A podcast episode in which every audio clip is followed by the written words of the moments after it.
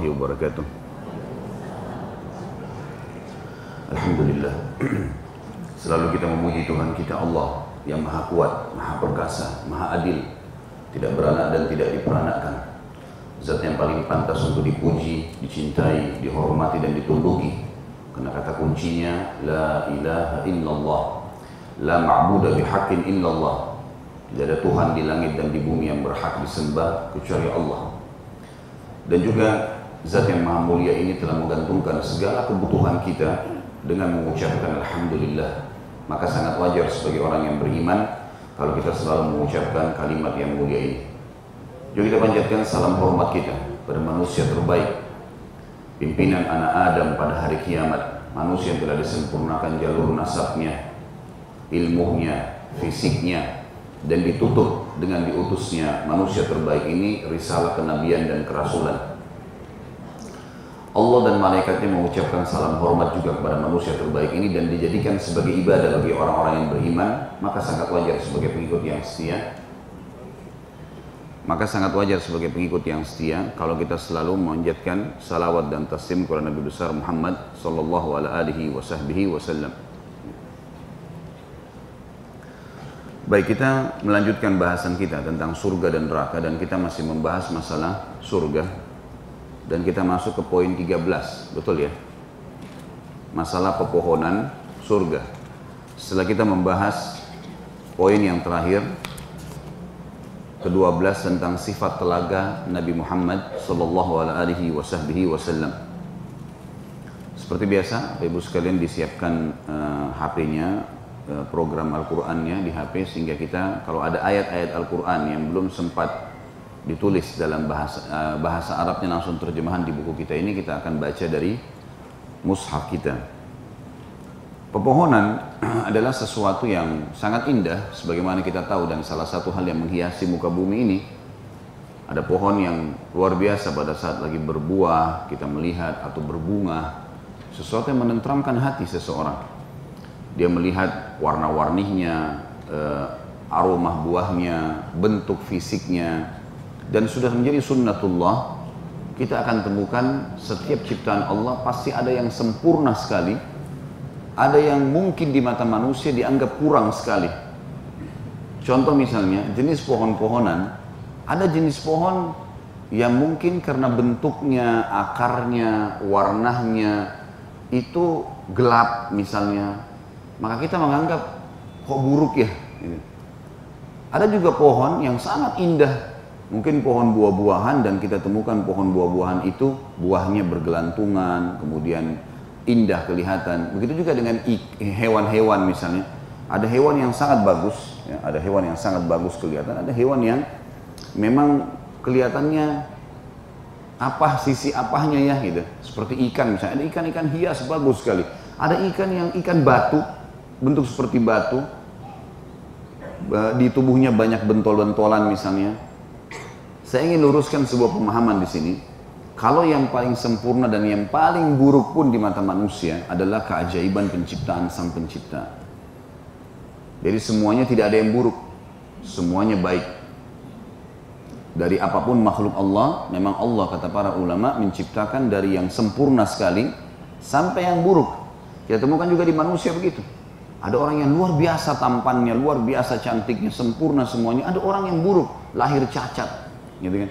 Di mata manusia. Padahal sebenarnya semua itu Allah ingin menunjukkan kemahakuasaannya.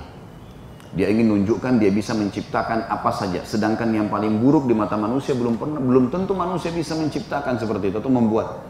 Ini loh, yang paling buruk saja, yang paling kecil saja, belum tentu kalian bisa lakukan. Sampai Allah memberikan contoh tentang masalah lalat yang dianggap kecil oleh manusia, gampang untuk diusir. Allah jadikan sebagai perumpamaan dalam Al-Quran. Ya. Misal dalam ayat A'udzubillahi minasyaitonirrajim innallaha la yastahi an yadriba mathalan ma ba'udatan fama fawqaha. Sesungguhnya Allah tidak pernah malu memberikan perumpamaan walaupun sebesar lalat apalagi di atasnya. Jadi ini menunjukkan kemahabesaran sang pencipta Allah Subhanahu wa taala. Hanya poin yang kita tidak beratkan Bapak Ibu sekalian, apa yang kita lihat di dunia dari ada yang sempurna tapi tapi tanda kutip ada juga yang kurang atau buruk di mata kita di manusia di muka bumi ini Walaupun sudah saya jawab tadi, ini menunjukkan tanda kebesaran sang pencipta Allah. Dan ini adalah satu hal yang menunjukkan kesempurnaannya sang pencipta. Di surga nanti, sudah tidak ada lagi yang kita pandang buruk itu. Karena yang ada hanya semuanya yang sempurna. Misal, pohon-pohon, semuanya pohonnya yang sempurna. Yang bagus dipandang, yang indah, yang buahnya lebat, yang segala macam. Manusia, makhluknya, semuanya sempurna. Gak ada lagi orang yang jelek, orang yang cacat, orang yang berkulit gelap, gak ada lagi. Semuanya sempurna. Disebutkan ciri-ciri mereka berkulit putih yang bersih, mukanya berceria, gitu, ceria. Ya. Setiap pekan selalu diperbaharui oleh Sang Pencipta Allah dengan adanya udara yang menimpa tubuh mereka sehingga mereka bertambah cantik, mereka bertambah gagah. Jadi ciptaan yang ada perbedaan antara baik, sempurna dan kurang ini sebenarnya cuma di dunia dan itu pun karena Allah ingin menunjukkan kemahabesarannya agar tidak ada makhluknya manusia dan jin yang sombong. Artinya kalaupun dianggap buruk coba kalian ciptakan bisa buat seperti itu. Tantangan supaya mereka beriman kepada Allah tapi di surga berbeda. Semua yang ada hanya kesempurnaan. Makanya kita sebutkan dari awal-awal masalah surga tidak ada masa tua, nggak ada masa anak-anak, semua orang berumur 33 tahun, poster tubuhnya semua sama, Laki-laki seperti Adam 60 siku ke langit, perempuan seperti Hawa 40 siku ke langit. Nggak ada lagi yang pendek, nggak ada yang lagi yang tinggi, standar semuanya. Tidak ada sakit, nggak ada letih, nggak ada gangguan orang. Semuanya sempurna. Istana seorang mukmin yang paling kecil, jarak dari awal tanah ke ujung tanahnya 40 tahun. Bagaimana dengan orang yang mendapatkan istana yang lebih daripada itu? Jadi Bapak Ibu sekalian yang saya ingin titik beratkan dalam pembukaan kita adalah di surga apa pun yang kita bahas tidak akan sama dengan di dunia walaupun namanya sama. Walaupun namanya sama. Misal akan ada buah delima sebagaimana Allah sebutkan. Ada rumman di surga. Ada disebutkan buah anggur. Ada disebutkan madu disebutkan susu kata ulama ini tidak akan sama dari sisi kualitas dan bentuk dengan surga beda jauh tidak akan sama karena memang di sana hanya sama dengan sisi nama tapi Sebagaimana Nabi SAW mengatakan di surga semuanya akan dilihat oleh mata, tidak pernah mata lihat di dunia. Semuanya yang didengar tidak pernah telinga dengar di dunia. Dan semua yang ada dari hal yang kecil sampai hal yang besar tidak pernah terlintas dalam hati manusia. Jadi kita sedang bicara sesuatu yang luar biasa. Bukan bicara tentang sebuah kenangan, sebuah kisah. Ini hanya e, e, meramaikan majelis sebagaimana sering saya ulangi. Tapi kita sedang membahas tempat abadi yang seperti sabda Nabi SAW.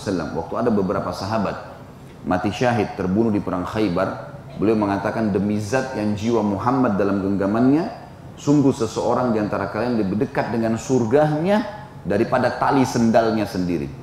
Dan demi zat yang jiwa Muhammad dalam genggamannya, seseorang kalian lebih dekat dengan nerakanya daripada sendalnya sendiri. Maksudnya apa?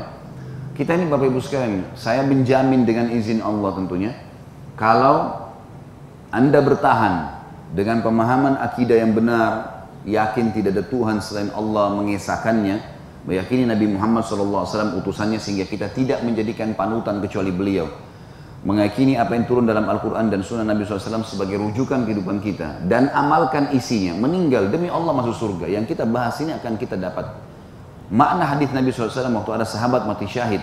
Lalu beliau mengatakan, sungguh demi jiwa Muhammad dalam genggamannya seseorang kalian lebih dekat dengan surganya daripada tali sendalnya maksudnya tinggal tunggu mati begitu mati semua didapatkan nih tidak ada yang sia-sia tidak ada sesuatu yang cuma didongengkan tapi sebuah kepastian dan ini akidah keyakinan seorang mukmin rukun iman kita yang kelima adalah meyakini tentang hari kiamat semua rentetannya berhubungan dengan masalah kematian kemudian pembangkitan di mahsyar hisab kemudian surga dan neraka. Dan ini adalah rentetan bahasan kita dari kitab Minhajul Muslim sampai kita bahas puncaknya di surga dan neraka. Ini semua adalah pembukaan Bapak Ibu sekalian untuk memahami apa yang sedang kita bahas ini bukan dongeng, tapi sesuatu yang nyata yang kita akan dapatkan. Sama dengan orang berbuat kekafiran, berbuat maksiat. Dia dengan neraka sangat dekat daripada tali sendalnya. Karena kapan dia ditabrak atau kapan dia mati tiba-tiba Allah cabut ruhnya, maka masuk neraka. Yang diancamkan yang sudah kita bahas kemarin. Dibakar, dipanggang, dipukul, diberikan timah panas, segala macam hal.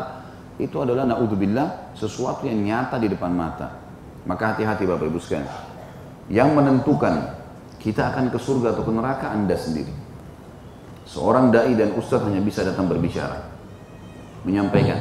Orang yang cerdas ngambil dan amalkan. Itu orang yang cerdas. Jangan peduli lagi dengan perkataan orang. Kamu alim ya, kamu begini ya, kamu begitulah, tidak usah terpengaruh dengan orang. Orang mau bicara apa pun manusia, biarin dia bicara sampai dia capek dan Allah pencipta ada. Ingat, Tuhan kita dengan Tuhan orang yang membalimi kita sama. Tuhan kita dengan Tuhan orang yang kita zalimi sama. Jadi kalau kita dizalimi oleh orang atau kita menzalimi orang, ingat Allah ada. Allah itu maha mendengar, maha melihat, maha mengetahui, maha segala-galanya.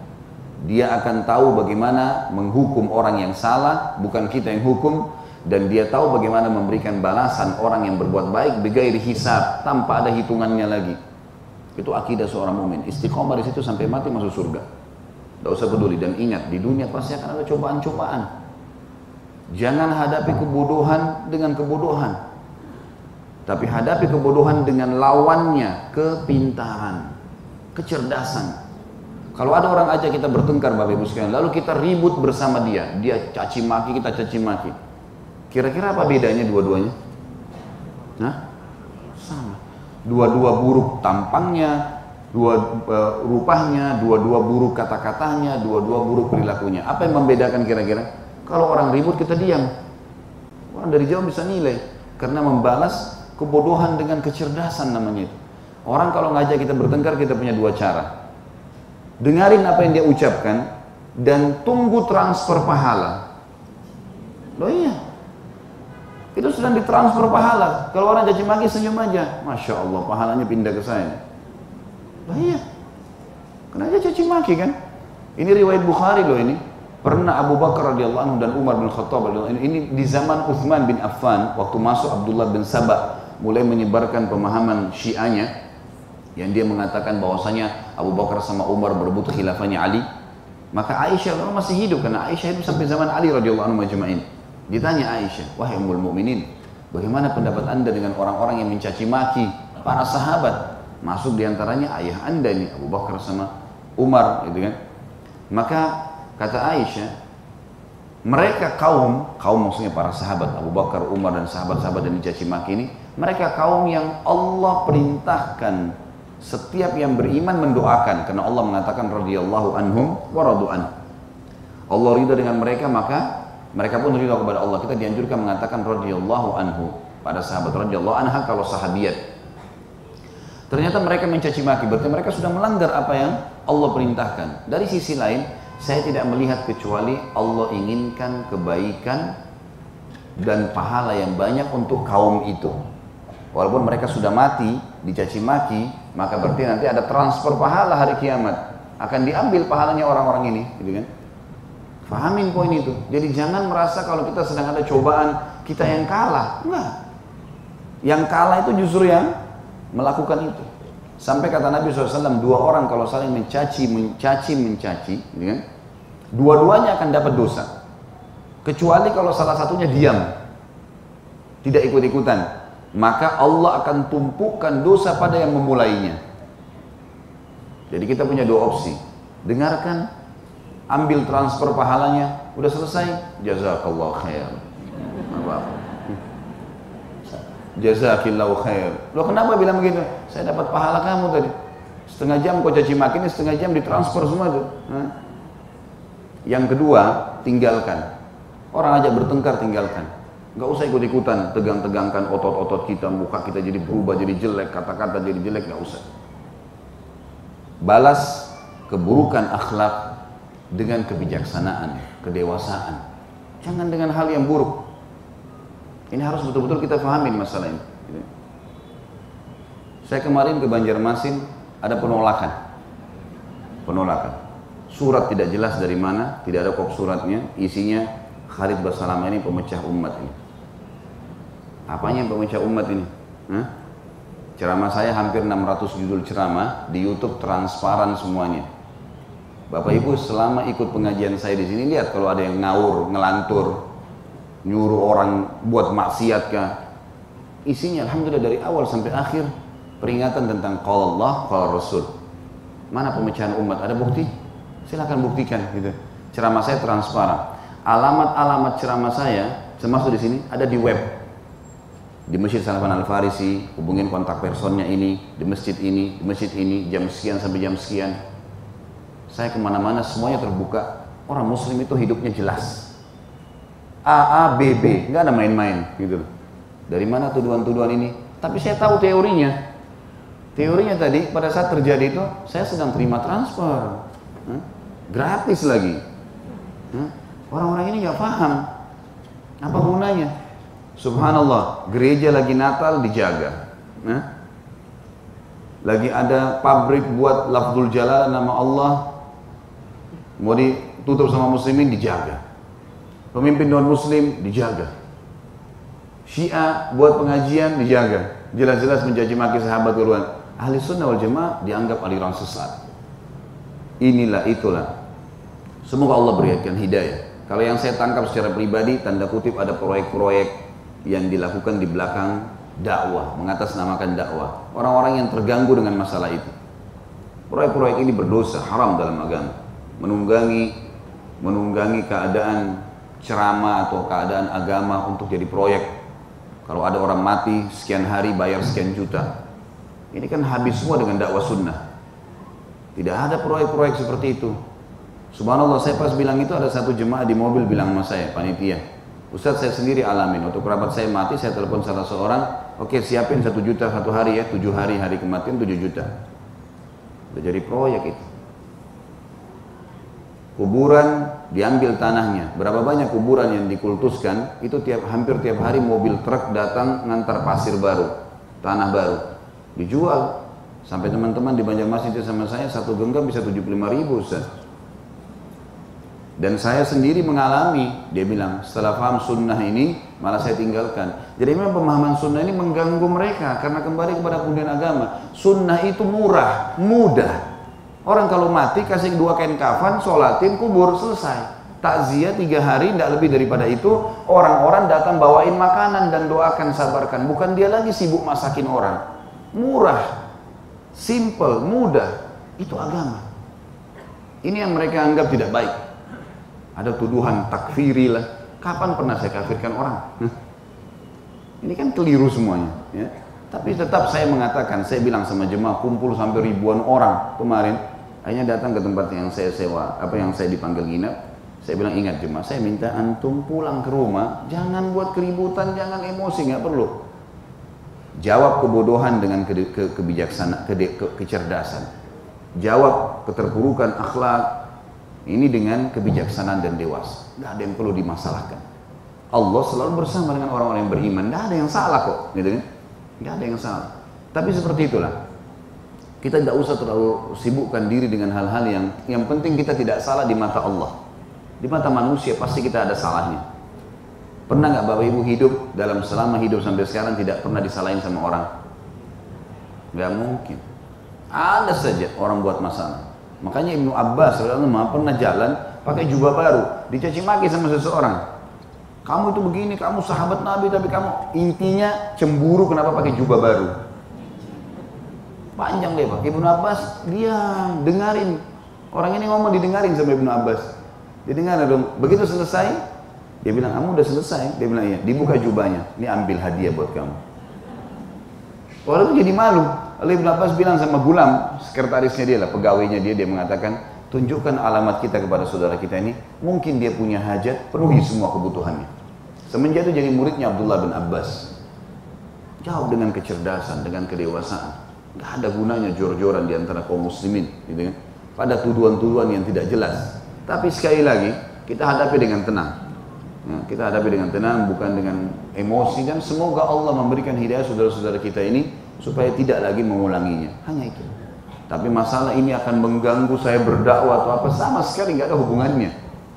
Ini memang sudah jalan hidup saya gitu. Alhamdulillah urat nadi saya yang takut itu sudah takut sudah putus kecuali untuk Allah saja. Udah nggak ada takut sama manusia, biidnillah nggak ada. Saya sudah terlatih dari kecil itu belajar agama dan saya sudah tahu takut itu hanya untuk Allah sang pencipta. Gak ada takut. Saya ke mana-mana pakai motor, alhamdulillah. Nggak ada urusan sama sekali gitu. Jadi ini diambil pelajaran semua dari situ. Baik, kita masuk ke bahasan kita pasal ke-13 masalah pepohonan surga dan saya sudah bilang ini tidak sama dengan dunia berbeda karena semua di sana kesempurnaan ya. Kita dengarkan bagaimana sempurnanya pepohonan di surga. Bahkan semuanya belum pernah mata lihat. Kita akan lihat nanti bagaimana luar biasanya. Dimulai dengan surah Al-Waqiah ayat 27 sampai 32. A'udzu billahi minasyaitonir rajim wa ashabul yamin ma ashabul yamin fi sidrin makhdud wa talhim mandud wa dhullim mamdud wa ma'im maskub wa fakihatin kathirah ada lanjutan ayat la mamnu'atin eh, wa fakihatin kathiratin dan golongan kanan alangkah bahagianya golongan kanan itu berada di antara pohon bidara yang tidak berduri dan pohon pisang yang bersusun-susun buahnya dan naungan yang terbentang luas dan air yang tercurah serta buah-buahan yang banyak. Di sini dimaksud dengan golongan kanan adalah orang-orang yang sudah menerima bukunya dengan tangan kanan. Ya, karena kita sudah jelaskan di pada saat membahas masalah neraka, ada orang yang menerima buku dengan tangan kanan sudah pasti masuk surga dan itu buku berterbangan sendiri ke arah kanan dan semoga kita masuk di sini insya dan ada orang yang menerima dengan tangan kirinya dan ini pasti masuk neraka. Dari situ dia sudah bisa tahu gitu kan. Baik, dikatakan golongan kanan adalah golongan orang yang menerima buku dengan tangan kanan. Mereka berada di antara pohon bidara yang tidak berduri.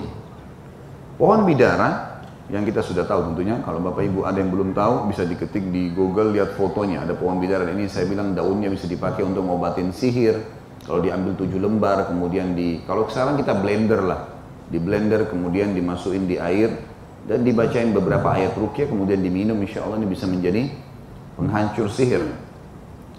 Juga buahnya berbentuk seperti apel dan manis, ya. seperti apel malang dan manis. Ini umumnya pohon bidara batangnya berduri dan durinya tajam. Pohon bidara batangnya berduri. Di surga nanti sudah nggak ada durinya, jadi batang pohon tapi tidak ada durinya. Makanya ada seorang sahabat bertanya mengatakannya Rasulullah orang Badui. Bagaimana bisa di surga ada pohon yang menyakiti orang? Pohon apa kata Nabi SAW? Dia bilang pohon bidara. Bidara kan berduri. Maka kata Nabi SAW, di surga sudah tidak ada durinya dan Allah akan ganti setiap tempat durinya buah yang lebat. Itu yang dimaksud dengan pohon bidara yang tidak berduri. Dan kalau ada teman-teman sekalian yang mengurus jenazah, termasuk sunnah Nabi SAW kalau memandikan, di air yang kita pakai mandi dicemplungin juga daun bidara. Dikatakan dan pohon pisang yang bersusun-susun buahnya. Sebagaimana kita tahu memang pisang kan bersusun ya. Memang sudah bersusun dia secara otomatis ya. Ada sebagian ulama mengatakan susunannya seperti susunan dunia. Tetapi bentuknya, rasanya, warnanya berubah tidak sama dengan di dunia. Sebagaimana nanti kita lihat bagaimana pohon kurma, satu buah kurma bisa besarnya seperti tempayan. Dan itu sangat besar, sangat lezat. Serta penghuni surga kalau makan bukan karena lapar, tapi karena menikmati. Sudah pernah saya jelaskan. Kalau mereka tidur, mereka bukan tidur karena capek, tapi karena terlalu nyaman tempatnya. Sudah saya kasih contoh, orang minum bukan karena lagi haus, dahaga. Tapi memang dia minum karena dia mau mencicipinya. Gak ada lagi haus, gak ada lagi lapar, gak ada lagi capek gitu kan. Kemudian dikatakan dan naungan yang terbentang luas. Di sini nanti akan kita jelaskan hadisnya. Sebentar lagi banyak hadis yang menjelaskan masalah itu seperti apa naungannya. Naungan ini ada di antaranya disebutkan pepohonan yang sangat besar di mana seseorang kalau jalan di bawah di bawah naungannya kalau hitungan puluhan bahkan ratusan tahun tidak bisa melewatinya. Kemudian juga dan air yang tercurah. Ada makna daripada air yang tercurah adalah air yang selalu siap tercurah. Kayaknya mungkin belum sampai memang ada bahasan nanti tentang lautan dan sungai mata air surga itu akan ada penjelasan ada lautan yang besar kemudian akan ada sungai-sungai yang dari lautan tersebut terpancar sungai tersebut ada yang memiliki e, tempat wadah seperti kita di dunia tapi wadahnya kalau dunia kan tanah ya sehingga ada kemungkinan kalau hujan kalau apa akhirnya jadi kotor air sungai itu Kalau di surga enggak, ya, pinggirannya itu semua dari lempengan-lempengan emas. Airnya jernih sekali. Gitu. Kan. Dan ada juga sumber-sumber air di surga yang airnya tidak menyentuh tanah. Tidak menyentuh tanah. Tapi dia berada di atas tanah. Jadi kita melihatnya tanpa ada kaca yang menahannya. Air mengalir jalan. Seperti itulah. Jadi itu yang dimaksud dengan makna air yang tercurah. Sebelumnya sudah pernah kita bahas belum masalah air? Sudah kan? Nah itu Alhamdulillah penjelasan di pasal ke-11. Seperti itu. Itu yang dimaksud dengan air yang tercurah. Dan buah-buahan yang banyak. Buah-buahan yang banyak artinya tidak akan pernah habis stoknya. Karena ada hadis yang menjelaskan kalau buah surga dipetik keluar baru. Dipetik keluar baru, nggak pernah habis. Dengan bentuk yang sama, rasa yang sama, warna yang sama, tidak akan pernah habis. Saksi bahasan kita adalah dan naungan yang terbentang luas. Nanti kita jelaskan di hadisnya yang dimaksud adalah pepohonan surga yang sangat besar sehingga orang bisa merasa bernaung di bawahnya. Kemudian firman Allah dari yang kedua surah Ar-Rahman ayat 46 sampai 47. A'udzu billahi minasyaitonir rajim. Waliman khafa maqama rabbih jannatan fabi ayyi ala'i rabbikuma tukadziban. Dan bagi orang yang takut saat menghadap Robnya ada dua surga maka nikmat Rob kamu yang manakah yang kamu dustakan? Kedua surga itu mempunyai pepohonan dan buah-buahan. Saksi bahasan adalah masalah pepohonan disebutkan di sini. Jadi memang banyak sekali pepohonan di surga. Kita tahu kalau orang punya rumah, halamannya luas, banyak pepohonan ditata rapi, indah sekali kelihatan. Itu yang dimaksud dengan makna pepohonan yang sangat banyak. Kemudian juga dalam surah Ar-Rahman sama surah tadi tapi ayat 62 sampai 64 yang Allah berfirman a'udzubillahi rajim wa min dunihima jannatan fabi ayyi ala'i rabbikuma tukadziban mudhammatan dan selain surga itu ada dua surga lagi mana maka nikmat Rob kamu yang manakah yang kamu dustakan kedua surga itu kelihatan hijau tua warnanya makna daripada kedua surga itu berwarna hijau adalah bisa fisik surganya berwarna hijau atau memang penuh dengan pepohonan sehingga terdominasi dengan warna hijau. Karena kita sudah tahu memang pepohonan berwarna hijau. Salah satu terapi mata yang menyehatkan kan kalau melihat yang berwarna hijau, apalagi alami dari tumbuh-tumbuhan. Nah, itu sesuatu yang positif ya. Kemudian surah Al-Mursalat ayat 41 Ini semua ayatnya masih datang dalam bentuk global akan kita rincikan dengan hadis Nabi SAW. Sebentar lagi akan banyak hadisnya datang. Allah berfirman, "A'udzubillahi minasyaitonirrajim. Innal muttaqina fi dhilalin wa 'uyun." Sesungguhnya orang-orang yang bertakwa berada dalam naungan yang teduh dan di sekitarnya ada mata-mata air. Di sekitar pohon ada mata-mata air dan sudah kita jelaskan di pasal 11 tentang masalah mata-mata air surga. Baik, untuk mendapatkan jawaban yang lebih jelas dari ayat-ayat tadi kita dengarkan penyampaian baginda Nabi sallallahu alaihi. Hadis pertama hadis riwayat Bukhari Anas bin Malik radhiyallahu anhu menceritakan sabda Rasulullah sallallahu alaihi wasallam di surga terdapat sebuah pohon. Ini dibahas satu pohon. Bukan semua pohon. Terdapat sebuah pohon artinya ada satu pohon di surga atau menggambarkan pohon itu satu pohonnya seperti ini. Yang untuk melintasi naungannya seseorang pengendara memerlukan waktu 100 tahun tanpa henti. Jika kalian suka, kata Nabi SAW ini, bacalah firman Allah dan naungan yang terbentang luas dan air yang tercurah. Tadi surah Al-Waqiah. Yang awal kita baca kan ada, di situ disebutkan dan naungan yang terbentang luas. Makanya tadi saya bilang ini akan dirincikan dari dalam hadis Nabi SAW. Jadi terbentang luas bagaimana tidak? Kalau seseorang pengendara kuda menunggangi kuda 100 tahun tanpa henti belum bisa melewati naungannya sebuah pohon yang luar biasa. Kemudian hadis Nabi SAW yang lain juga diriwayatkan Bukhari dan Muslim. Tentu di footnote disebutkan nomor hadisnya dan jilid bukunya. Ini saya tidak sebutkan lagi. Abu Sa'id al-Khudri anhu meriwayatkan sabda Rasulullah SAW di surga terdapat sebuah pohon yang dilintasi seorang penunggang yang lihai lagi cepat selama 100 tahun tanpa henti. Jadi sangat besar sangat luas. Juga hadis yang ketiga diriwayatkan oleh Tirmidzi dan dihasankan hadisnya oleh beliau Hasan Sahih Asma binti Abi Bakar radhiyallahu anhuma menuturkan aku mendengarkan Rasulullah SAW menyebut Sidratil Muntaha seraya bersabda untuk melintasi naungan dahan-dahan dari pohon surga seorang pengendara memerlukan waktu 100 tahun atau beliau bersabda bernaung di bawah dah, dahan pohon itu seratus pengendara. Hamparannya terbuat dari emas. Buah-buahnya laksana puncak gunung. Dan hadis ini Hasan Sahih. Maksudnya adalah hamparannya terbuat dari emas, batang pohonnya dari emas. Di sekitarnya jalan yang dilalui terbuat dari emas. Kemudian buah-buahnya laksana puncak gunung. kita tahu di puncak gunung mengerucut dan buah seperti buah anggur misalnya. Kita lihat kalau buah itu lagi padat di tangkainya maka kita akan temukan pasti di bawahnya ngerucut. Makanya dibahasakan seperti puncak gunung. Jadi sangat banyak ya, bergelantungan. Saksi bahasan kita adalah dahan-dahan pohon itu bisa dilewati oleh 100 pengendara dan kalau digabungkan dua riwayat ini adalah 100 pengendara dengan kecepatan tinggi dan berjalan 100 tahun. Selanjutnya hadis diriwayatkan Ibnu Abi Dunya mauquf dan sanadnya bagus atau baik bisa diterima sebagaimana dinyatakan oleh Hafid Mundri dalam Targhib. Ibnu Abbas radhiyallahu menceritakan pohon kurma itu, pohon kurma surga akarnya dari zamrud hijau. Ibnu Abbas radhiyallahu anhu menceritakan pohon kurma itu surga, eh, pohon kurma di surga itu akarnya dari zamrud warna hijau.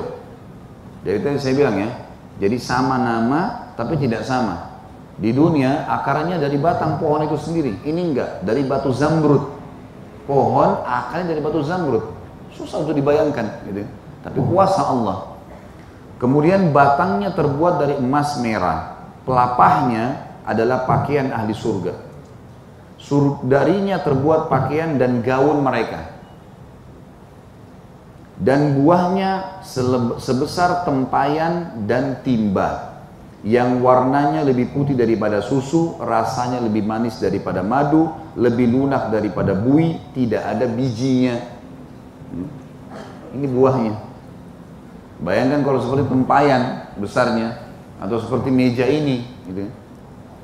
Orang begitu luar biasa menikmatinya dan orang ahli surga bisa memakan sebanyak mungkin karena tidak ada lapar, tidak ada kenyang. Gak ada rasa itu. Dia nikmatin. Jadi dia pindah ke buah yang lain itu karena dia mau mencoba buah yang lain. Dia akan makan sepuasnya. Dan ini Bapak Ibu sekalian hanya tunggu istiqomah saja, tunggu mati dapat ini. Jangan berubah-berubah. Hmm? Jangan jadi bunlon di pengajian alim luar pengajian jadi buruk nah, istiqomah di mana pun berada walaupun seluruh dunia benci kita nggak usah peduli yang penting kita berada di jalan Allah karena pertanggungjawaban kita dengan Allah bukan sama manusia itu saya pernah bahasakan teman-teman kita yang menghina kita atau mencaci maki kita atau bahkan ya sengaja mengajak kita bermaksiat teman-teman sekalian cuma paling jauh kalaupun teman kita yang sangat dekat dengan kita yang ngajak maksiat paling jauh dia cuma bisa menangis di atas liang lahat Selebihnya sudah tidak ada urusan sama dia. Pertanggung jawaban kita dengan amal kita. Harus amal yang kita jadikan sebagai sahabat, bukan yang lain. Lagi sholat di telepon, jangan jawab. Saya lagi ibadah, jangan diganggu. Kita enggak, sholatnya buru-buru, gosip 5 menit, gosip 2 jam sama teman bisa. Nah, ibunya kalau telepon dari kampung, baru ngomong sebentar, sudah ya bu ya, saya sibuk. Ternyata cuma mau angkat telepon temannya 2 jam gosip. Ini jelas pahala dan surga ini nggak ada hubungannya malah bisa jadi dosa terbalik. Harus bisa bijak dalam masalah seperti ini. Hadis selanjutnya adalah hadis riwayat Imam Ahmad dihasankan oleh Albani dalam Sahih Al-Jami' Abu Sa'id Al-Khudri radhiyallahu menuturkan sabda Rasulullah SAW sangat mengagumkan sebuah pohon di surga tingginya sejauh perjalanan 100 tahun pakaian ahli surga keluar dari mayangnya Sebagaimana sudah pernah kita jelaskan ya, pakaian ahli surga sudah dijelaskan ya. Yang kalau ahli surga mau memakai baju, maka ada pohon yang mirip dengan buah delima. Sudah belum? Ya. Nanti akan mendekat ke dia lalu terbuka buah itu terdapat di dalamnya 70 gaun yang dia bisa milih mana saja dia inginkan. Dan setiap gaun kalau sudah dipakai tidak lagi diulangin selalu gaun baru. Itu semua yang ada di surga. Kemudian hadis yang selanjutnya adalah riwayat Tirmidzi disahihkan oleh Albani juga dalam Sahih Jami. Abu Hurairah meriwayatkan Nabi SAW bersabda tidak ada satu pohon pun dalam surga kecuali batangnya terbuat dari emas. Lempengan emas ya. Batang pohonnya. Jadi bukan lagi kayak batang pohon kita sekarang. Tentu Bapak Ibu sekalian kalau kita mau perdekatkan masalah, jadi kita bisa lihat kalau kursi misalnya dibuat dari emas, dibuat sedemikian rupa sempurna rapi, Orang merasa kagum, umumnya manusia begitu. Merasa kagum, sandar padahnya dan seterusnya, gitu kan. Emas kecil aja diperebutkan untuk dibeli, apalagi kalau sudah menjadi seperti tempat duduk atau ranjang atau rumah. Nah ini dibuat semua batangannya dari emas-emas lempengan. Hadis selanjutnya adalah hadis diriwayatkan oleh At-Tabarani dalam Al-Kabir dan disahihkan oleh Albani, Abdullah bin Amr bin As radhiyallahu anhu meriwayatkan sabda Nabi SAW, induk aroma surga adalah belas kasih. Ya. Dalam arti kata memang ini bahasa ya, bahasa menjelaskan kepada kita semuanya yang kita akan cium aroma di surga itu akan memunculkan rasa kasih dalam diri kita. Dalam rasa kasih. Jadi dari kata, kata kita akan merasa sangat senang dengan eh, apa pun yang kita cium wow baunya selalu wangi dan selalu berisi dengan aroma yang baik. Selanjutnya hadis terakhir dalam bab kita ini dalam pasal kita adalah riwayat Tirmidzi dihasankan oleh Albani dalam Sahihul Jami'. Ibnu Mas'ud radhiyallahu anhu menuturkan sabda Rasulullah sallallahu alaihi wasallam Aku bertemu dengan Ibrahim pada malam Isra'ku maka beliau berkata kepada wahai Muhammad, sampaikan salamku pada umatmu dan kabarkan pada mereka bahwa surga itu tanahnya harum. Airnya menyegarkan. Surga itu lembah yang subur dan tanamannya adalah subhanallah, alhamdulillah, wala ilaha illallah, wallahu akbar. Jadi nanti kalau di surga nggak ada lagi sholat, nggak ada lagi puasa, nggak ada ibadah lain kecuali zikrullah. Dan satu-satunya ibadah yang kata para ulama itu diperintahkan oleh Allah dari dunia sampai di surga adalah zikrullah. Makanya Nabi SAW pernah bersabda dalam sebuah hadis, maukah kalian mengerjakan sebuah amal yang lebih baik daripada kalian bersodokah dengan emas dan perak, daripada kalian membebaskan budak, daripada kalian memberikan kepada fakir miskin, daripada kalian uh, apa namanya, uh, daripada kalian pergi ke medan perang menebas leher musuh kalian dan kalian ditebas leher kalian. Kalian bunuh musuh sampai atau kalian dibunuh. Kata para sahabat tentu ya Rasulullah, kami mau. Kata Nabi SAW, lisanmu selalu dalam keadaan zikrullah. Ini sudah pernah saya bilang Bapak Ibu sekalian, jangan diam, jangan diam. Dalam arti kata, kita ngomong sesuatu yang bermanfaat, ada maslahatnya, nasihat, atau pada saat tidak ngomong berzikir. Zikir. Zikrullah. Syekh Bimbas itu disebutkan, salah satu hal yang beliau lakukan adalah kalau terima telepon, lagi dengarin orang mengeluh, lidahnya sambil berzikir. Terima teleponnya orang sambil dia berzikir. Subhanallah, Alhamdulillah, la ilaha illallah, Allahu Akbar. Berzikir kepada Allah.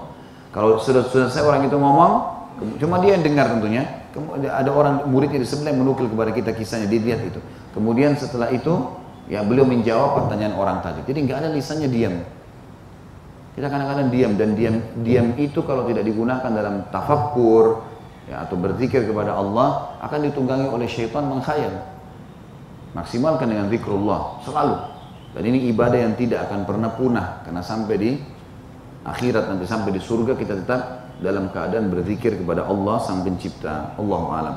Tentu kalimat ini juga subhanallah alhamdulillah wa la ilaha illallah Allah akbar ada hadisnya yang kata Nabi SAW aku ucapkan sekali saja lebih aku cintai daripada terbitnya matahari untukku. Jadi kita bisa bayangkan maksudnya daripada kehidupan karena kalau matahari tidak ada, tidak ada kehidupan. Maka dengan adanya matahari kayak sekarang menerangi bumi, menerangi alam semesta, itu subhanallah, alhamdulillah, wala Allah dibaca sekali lebih baik daripada itu. Bagaimana kalau kita baca 10 kali, 100 kali, maka ini fadilah yang besar. Allah ta'ala menjadikan itu sebagai ya, tanaman di surga. Baik, ini pasal ke-14. Kita masuk sekarang ke pasal ke dan pasal ke-13 tadi Pohon pepohonan sekarang kita masuk pasal ke-14 karena ini berhubungan masalah makanan dan minuman ahli surga. Makanan dan minuman ahli surga. Dan ini silakan disiapkan mushafnya karena ada beberapa ayat Al-Qur'an yang memang butuh untuk kita buka mushaf kita, tidak ditulis secara uh, uh, dalam tulisan bahasa Arabnya di buku kita ini. Dalil yang pertama disebutkan surah Al-Waqi'ah ayat 20 A'udzu billahi minasyaitonir rajim wa fakihatin mimma yatakhayyarun dan buah-buahan dari apa yang mereka pilih. Saksi bahasan ada kalimat buah-buahan, berarti di surga akan ada buah-buahan. Dalil yang kedua surah Sad. Surah nomor 38 ayat 49 sampai 51. A'udzu billahi minasyaitonir rajim. Hadza dzikr. Tentu ini ayat 48-nya menyebutkan tentang masalah nabi-nabi ya, ayat-ayat sebelumnya. Dan ini juga sebuah pelajaran penting Bapak Ibu sekalian, saya sekalian titip beratkan. Kalau ini kan saksi bahasan ayat 49 sampai 51. Kalau kita kembali ke surah Sot, beberapa ayat ke belakangnya kita akan temukan kisah-kisah para nabi. Dan saya sarankan mulai sekarang, mulai hari ini Bapak Ibu sekalian jadwalkan setiap hari baca satu kisah nabi. Satu kisah nabi. Ketik saja di Google kisah Nabi Adam, baca. Besok kisah Nabi Idris, besoknya Hud, besoknya Saleh. Baca semua kisah Nabi karena ini manusia-manusia terbaik. Apa yang Allah sebutkan di sini di ayat 49 itu tentang surga setelah menyebutkan kisah para nabi-nabi. Di antaranya kalau kita review satu ayat saja ke atas itu Allah mengatakan a'udzubillahi minasyaitonirrajim ayat 48-nya wadhkur Ismail wal Yasa' wa dzal kifl kullum minal akhyar. Ingatlah kisah, pelajari, baca kata Allah kisah Ismail, Ilyasa dan Zulkifli. Sesungguhnya semuanya termasuk orang-orang yang baik. Kalau Bapak Ibu review beberapa ayat di atas semua kisah Nabi-Nabi itu banyak. Lalu Allah sebutkan di saksi bahasan kita ayat 49 Hada zikr wa inna lil muttaqina la husna ma'ab. Ini adalah kehormatan bagi mereka. Atau terjemahan lainnya adalah zikr ini peringatan ini informasi penting buat kalian, hai orang-orang yang selain nabi-nabi, kita ini semua. Ambil pelajaran dari para nabi-nabi itu. Dan sesungguhnya orang-orang yang bertakwa mau ikutin nabi-nabi itu sehingga patuh kepada Allah, mereka akan mendapatkan tempat kembali yang baik. Apa itu? Allah sebutkan di ayat 50-nya. Jannati adnin mufattahatan lahumul abwab, yaitu surga Aden yang pintu-pintunya terbuka bagi mereka. Masuk ayat 51, muttaqiina fiha yad'una fiha bifaqihatin katsiratin wa syarab. Ini saksi bahasan kita dan di dalamnya mereka bertelekan di atas dipan-dipan sambil meminta buah-buahan yang banyak. Di sini sebenarnya e, kata yad'un terjemahannya sebenarnya bukan meminta ya, tapi dihidangkan untuk mereka dihidangkan sambil dihidangkan buah-buahan yang banyak dan minuman yang banyak pula di surga. Saksi bahasan kita adalah adanya buah-buahan yang sangat banyak. Dan seperti biasa, tadi saya jelaskan, selalu ayat Al-Quran datang sifatnya global. Menjelaskan kepada kita Nanti kita akan dengarkan bagaimana Nabi SAW merincikan buah-buahan ini dalam hadis-hadis beliau Sallallahu Alaihi Wasallam. Kita pindah ke ayat setelahnya surah Insan. Ayat 5 dan ayat 6. Saya akan bacakan dari ayat 1 ya. Supaya nyambung karena ini tidak terlalu jauh ayatnya. Dalam arti kata kita tidak terlalu review sampai jauh ke belakang, hanya beberapa ayat saya baca dari ayat 1. A'udzu billahi minasyaitonir rajim. Bismillahirrahmanirrahim. Allah mengingatkan di awal ayat surah Al-Insan. Al-Insan ini manusia. Kita disadarkan oleh Allah tentang kedudukan kita. Hal ata 'alal insani hinum minad dahri lam yakun syai'an madhkura. Bukankah telah datang atas manusia satu waktu dari masa sedangkan dia ketika itu belum merupakan sesuatu yang dapat disebut? Tidakkah kalian sadar hai manusia dulu kalian itu tidak ada? Dari mana kalian ini? Dari sesuatu tidak, tidak pernah disebut, tidak ada namanya, belum ada namanya, belum ada rupanya, belum ada bentuknya. Inna khalaqnal insana min nutfatin amsyadhin nabtalihi faja'alnahu sami'an basira. Sesungguhnya kami telah menciptakan manusia dari setetes mani yang bercampur. dan kami hendak mengujinya dengan perintah dan larangan pada saat dia diciptakan karena itu kami jadikan dia mendengar dan melihat tujuan untuk mendengar dan melihat adalah untuk melihat keagungan Allah patuh mengerjakan perintah dan meninggalkan larangan Inna hadainahu sabila imma syakira wa imma kafura. Maksudnya kami akan menunjuki dia jalan yang lurus. Ada yang bersyukur dan ada pula yang kafir. Jadi Allah turunkan wahyu. Seperti sekarang Bapak Ibu belajar. Tahu mana halal, mana haram, mana perintah, mana janji, mana ancaman. Ada orang yang bersyukur, dia ambil ilmu itu lalu dia amalkan, masuk surga nanti. Ada orang yang kufur. Lalu Allah sebutkan tentang orang yang kufur yang tidak mau ikut dengan wahyu Allah inna a'tadna lil kafirina salasila wa aglala wa sa'ira Sesungguhnya kami menyediakan bagi orang-orang kafir rantai, belenggu dan neraka yang menyala-nyala.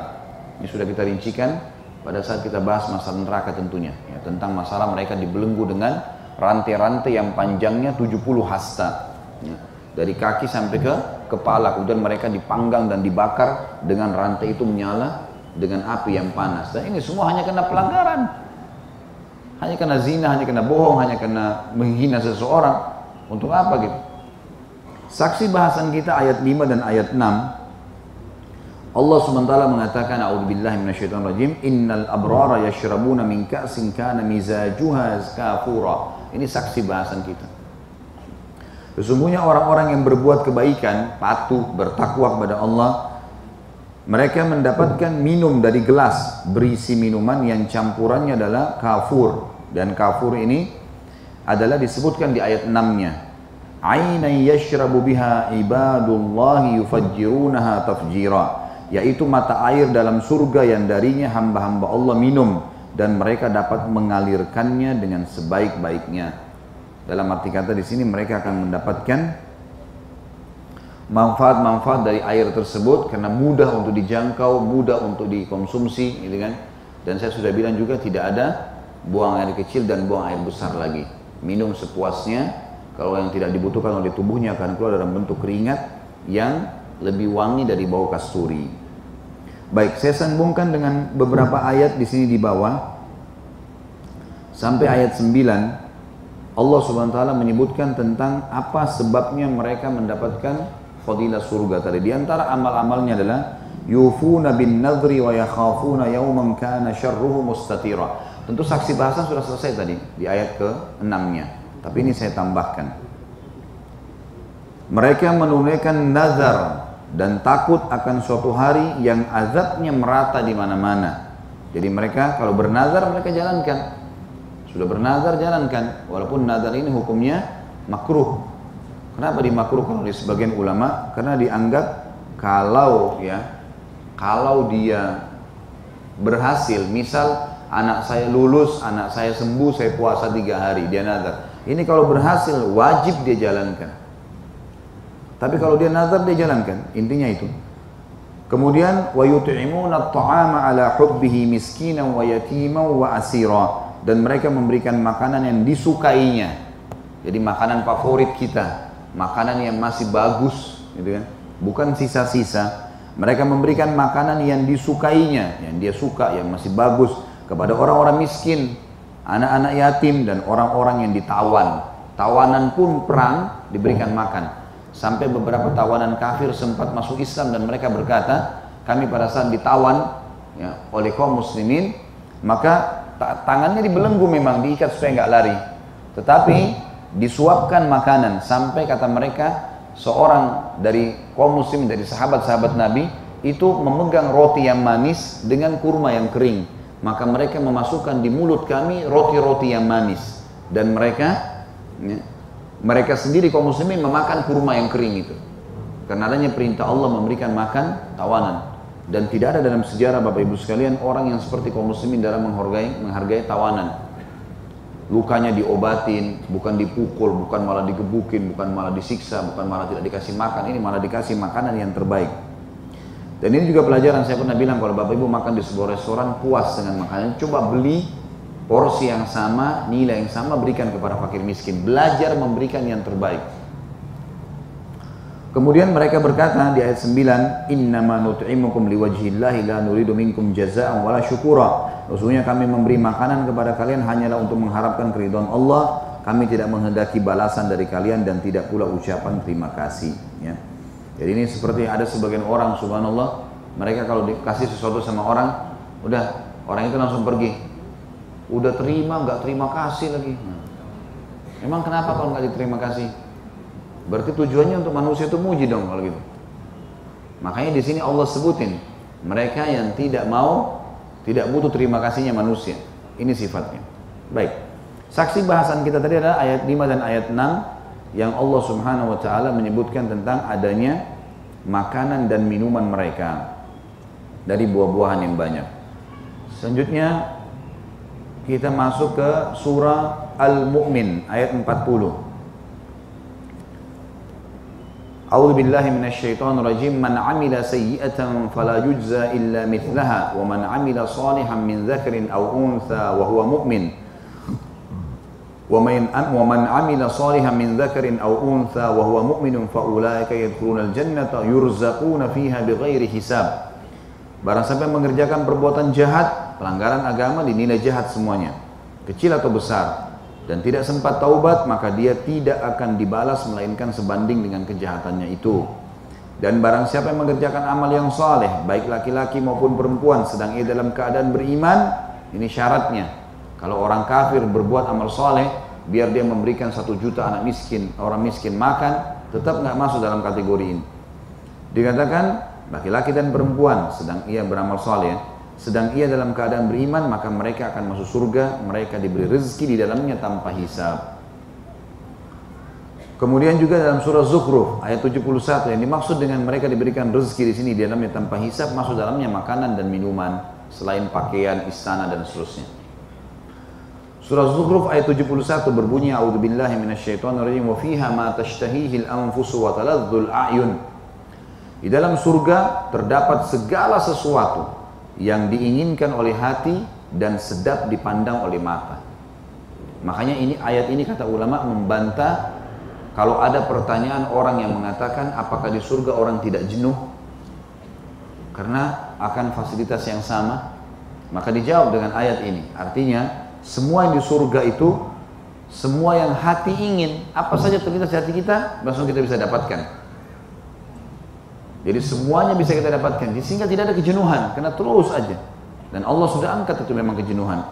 Kemudian juga dikatakan semua yang dipandang sedap untuk dipandang oleh mata. Karena banyaknya fasilitas, walaupun kita abadi di sana tidak akan pernah ada kejenuhan selamanya.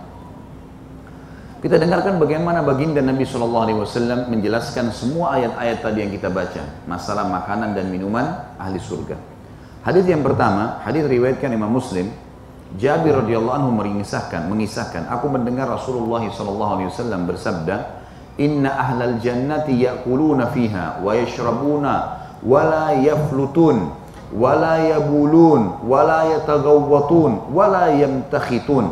Qalu, "Fama balu at-ta'am?" Qala jusha'un wa rashhun kharashhil misk yulhamuna at-tasbiha wat-tahmida kama tulhamuna an-nafs atau nafas Ahli surga makan dan minum sepuas mereka. Mereka tidak membuang ludah, tidak buang air besar, dan juga tidak buang air kecil. Makan sepuasnya, nggak ada sama sekali ya, perasaan mau membuang ludah karena ketidaknyamanan atau misal orang kan kalau lagi makan dia buang ludah kenapa? Karena ada yang tidak nyaman, baunya, rasanya, keasinan, kepahitan dan seterusnya. Nggak ada tidak ada buang air besar, habis makan kenyang, tidak ada rasa kenyang, sehingga tidak perlu buang air besar. Tidak ada buang air kecil, minum sebanyak apa pun tidak ada pengeluaran Dan tidak ada membuang ingus, maksudnya tidak ada sakit. Tidak ada sakit. Kita tahu kalau kita makan berlebihan, misal kita minum air dingin terlalu berlebihan. Itu wajar, pada saat kita merasa ada masalah di hidung kita. Kesannya seperti orang sudah ada gejala flu. Kalau orang minum, Masya Allah, satu gentong air dingin, itu pasti dia merasa mau beringus, tapi di surga biarpun minum sebanyak mungkin air dingin, ya, tidak akan pernah ada ingus. Mereka para sahabat bertanya, bagaimana halnya dengan makanan ya Rasulullah? Beliau menjawab Sallallahu Alaihi Wasallam, makanan tersebut berubah menjadi sendawa. Ya. dan keringat yang aromanya seperti aroma kasturi. Jadi kalau misalnya orang pun sudah makan, yang direbutkan oleh tubuh keluar dalam bentuk angin, sendawa, ya. Itu bahasa Arabnya jusha. Ya. Jusha. Jadi kadang-kadang orang karena kenyang mengeluarkan angin, maka itu e, akan terjadi di surga, tetapi dan bentuk keringat juga keluar, tapi itu lebih wangi dari bau kasturi. Ya, kalau sekarang kan masya Allah, apalagi tidak sikat gigi bisa mati orang di sebelahnya. Mereka melahap tasbih dan takbir sebagaimana kalian menghirup udara. Artinya zikrullah ini selalu pada mereka. Sebagaimana kita diberikan nafas, menarik nafas. Ini hadis yang pertama menjelaskan kepada kita tentang makanan dan minuman ahli surga. Yang kedua adalah sabda Nabi SAW diriwayatkan Imam Ahmad dengan sanad yang baik sebagaimana juga dinyatakan oleh Mundri dalam Targhib dan Al-Iraqi menyatakan sanadnya sahih. Anas radhiyallahu mengatakan Rasulullah SAW bersabda sungguhnya burung surga itu sebesar unta yang hinggap di pepohonan surga. Abu Bakar anhu mengatakan, wahai Rasulullah, sesungguhnya burung-burung itu merasakan kenikmatan. Artinya burung-burung itu pun merasakan kenikmatan surga kalau begitu. Kata Nabi SAW, kamu memakannya lebih nikmat darinya. Dan beliau mengatakannya tiga kali. Dan sungguh aku berharap kamu termasuk orang yang makan darinya. Jadi ada burung nanti bentuknya seperti unta, Kemudian hinggap di pohon-pohon surga. Pohonnya kan surga besar. Jadi memang kalau dikatakan burung itu seperti unta di zaman itu kecil sekali. Ini karena kita postur tubuhnya sudah sangat besar kan gitu. Itu pemahamannya. Maka Nabi SAW mengatakan kalau kau memakan dagingnya lebih nikmat daripada burung itu sendiri menikmati surga. Dan saya berharap kau termasuk salah satunya. Ini makna adanya makanan yang luar biasa di surga. Sampai burung pun yang hingga begitu kita pengen sudah langsung mendapatkan. Hadis yang ketiga, hadis diriwayatkan oleh Ibnu Abi Dunya dan Hafidh Mundri mengatakan sanadnya sahih. Sulaim bin Amir menceritakan para sahabat Rasulullah SAW mengatakan sungguhnya Allah memberi manfaat kepada kami melalui kaum Arab Badui. Maksudnya adalah orang-orang Arab Badui ini kadang-kadang bertanya hal-hal yang tidak terlintas oleh para sahabat atau mungkin sahabat malu bertanya. Tapi kalau orang Badui tidak malu, dia langsung saja main bertanya. Sesungguhnya Allah memberikan manfaat pada kami melalui kaum Arab Badui. Berikut pertanyaan-pertanyaan mereka. Seorang Arab Badui datang pada suatu hari seraya mengatakan, Wahai Rasulullah, Allah Azza wa Jal, Allah yang maha mulia dan maha tinggi menyebutkan di surga terdapat pohon yang mengganggu. Dan aku tidak beranggapan bahwa di surga ada pohon yang mengganggu penghuninya. Rasulullah SAW bertanya, apa itu? Pohon apa yang kamu maksud? Orang ini mengatakan sidir, pohon bidara. Kan tadi saya bilang di awal pertemuan, di bab kita ini pohon bidara berduri kan? Nah. Karena ia punya duri yang mengganggu. Rasulullah SAW bersabda, bukankah Allah berfirman di pohon bidara yang dibuang duri-durinya? Allah membuang duri-durinya dan meletakkan buah pada tiap-tiap duri sebagai gantinya. Sesungguhnya ia menghasilkan buah-buahan. Masing-masing buahnya mengeluarkan 72 warna makanan. Jadi kita bisa lihat kalau misal satu pohon buahnya bidara itu ada dua warna kalau kita di Indonesia. Kalau di, di dunia ini sekarang ada dua warna. Dia bisa hijau atau dia bisa kuning pada saat matang. Cuma dua warna. Tapi kita bisa bayangkan kalau pohon buah itu penuh, lalu di setiap satu tangkai kayak anggur misalnya, itu memiliki 72 warna ada yang kuning, ada yang hijau, ada yang merah, ada yang ya, coklat dan seterusnya. Maka seperti itulah. Tidak ada di dalamnya suatu warna yang menyerupai warna lainnya. Ini menunjukkan keagungan dan kemuliaan Allah SWT yang menunjukkan ke, kesempurnaan ciptaannya dalam buah-buahan yang luar biasa memiliki warna-warni dan aroma rasa yang baik. Selanjutnya adalah hadis Nabi SAW dan hadis ini cukup panjang. Hadis ini diriwayatkan oleh Imam Bukhari. Anas bin Malik menceritakan Abdullah bin Salam menerima kabar kedatangan Nabi SAW di Madinah. Abdullah bin Salam ini adalah pendeta Yahudi yang masuk Islam. Pendeta Yahudi yang masuk Islam. Maka ia mendatangi mendatangi beliau SAW seraya mengatakan, aku bertanya kepadamu tentang tiga perkara yang hanya diketahui oleh seorang nabi. Jadi Abdullah bin Salam ini mau masuk Islam. Dia pendeta Yahudi. Dan dia pendeta Yahudi yang paling pintar. Menghafal Taurat. Begitu dengar Nabi SAW masuk di Madinah, dia langsung mau masuk Islam. Tapi dia bilang, saya akan bertanya kepada anda tiga pertanyaan yang tidak ditahu oleh kecuali oleh Nabi. Kalau jawab saya masuk Islam. Gitu. Pertanyaan pertama, apa awal tanda hari kiamat? Yang kedua, apa makanannya ahli surga? Dan ini saksi bahasan kita pertanyaan beliau yang kedua. Dan dari suatu apakah anak-anak itu mirip kepada ayahnya? Dan dari sesuatu apa anak menyerupai paman-pamannya? Maka Rasulullah SAW bersabda, tadi Jibril mengabarkan kepadaku jawaban tiga perkara tersebut.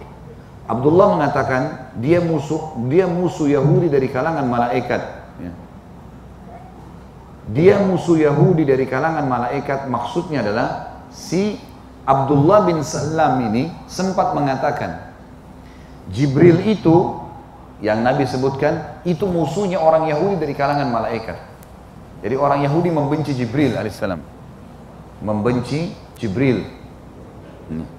Karena bagi mereka mestinya Nabi itu datang dari Bani Israel Kenapa kok Nabi Muhammad SAW datang dari turunan Arab, bukan dari Israel? Jadi mereka anggap membenci Jibril. Apa urusannya? Nggak ada hubungannya. Jibril AS tugas, dapat tugas dari Allah. Tapi seperti itulah. Jadi makna yang dikatakan Abdullah mengatakan Abdullah bin Salam ya. Jadi ini bukan Abdullah sahabat Nabi, tapi ini pendeta tadi. Kan namanya Abdullah bin Salam ya. Rasulullah SAW bersabda, adapun tanda kiamat yang pertama adalah api mengumpulkan manusia dari timur ke barat. Ini tentu ada bahasan di Minhajul Muslim yang sudah kita bahas yang lalu ya. Kalau Bapak Ibu sudah lupa atau tidak teringat atau ada yang belum ikut bisa ikutin di YouTube. Ada ceramah kita bahasan Minhajul Muslim dan nanti akan kita balik ke situ insya Allah nanti pada saat surga neraka ini selesai. Di situ ada bahasan tentang tanda-tanda hari kiamat di antaranya ada api yang keluar dari wilayah Aden, kota Aden di Yaman. Ini yang dimaksud oleh Nabi SAW. Kemudian beliau mengatakan sedang makanan pertama ahli surga adalah kelebihan hati ikan. Atau bahasa termnya sebenarnya adalah hati ikan. Hati ikan.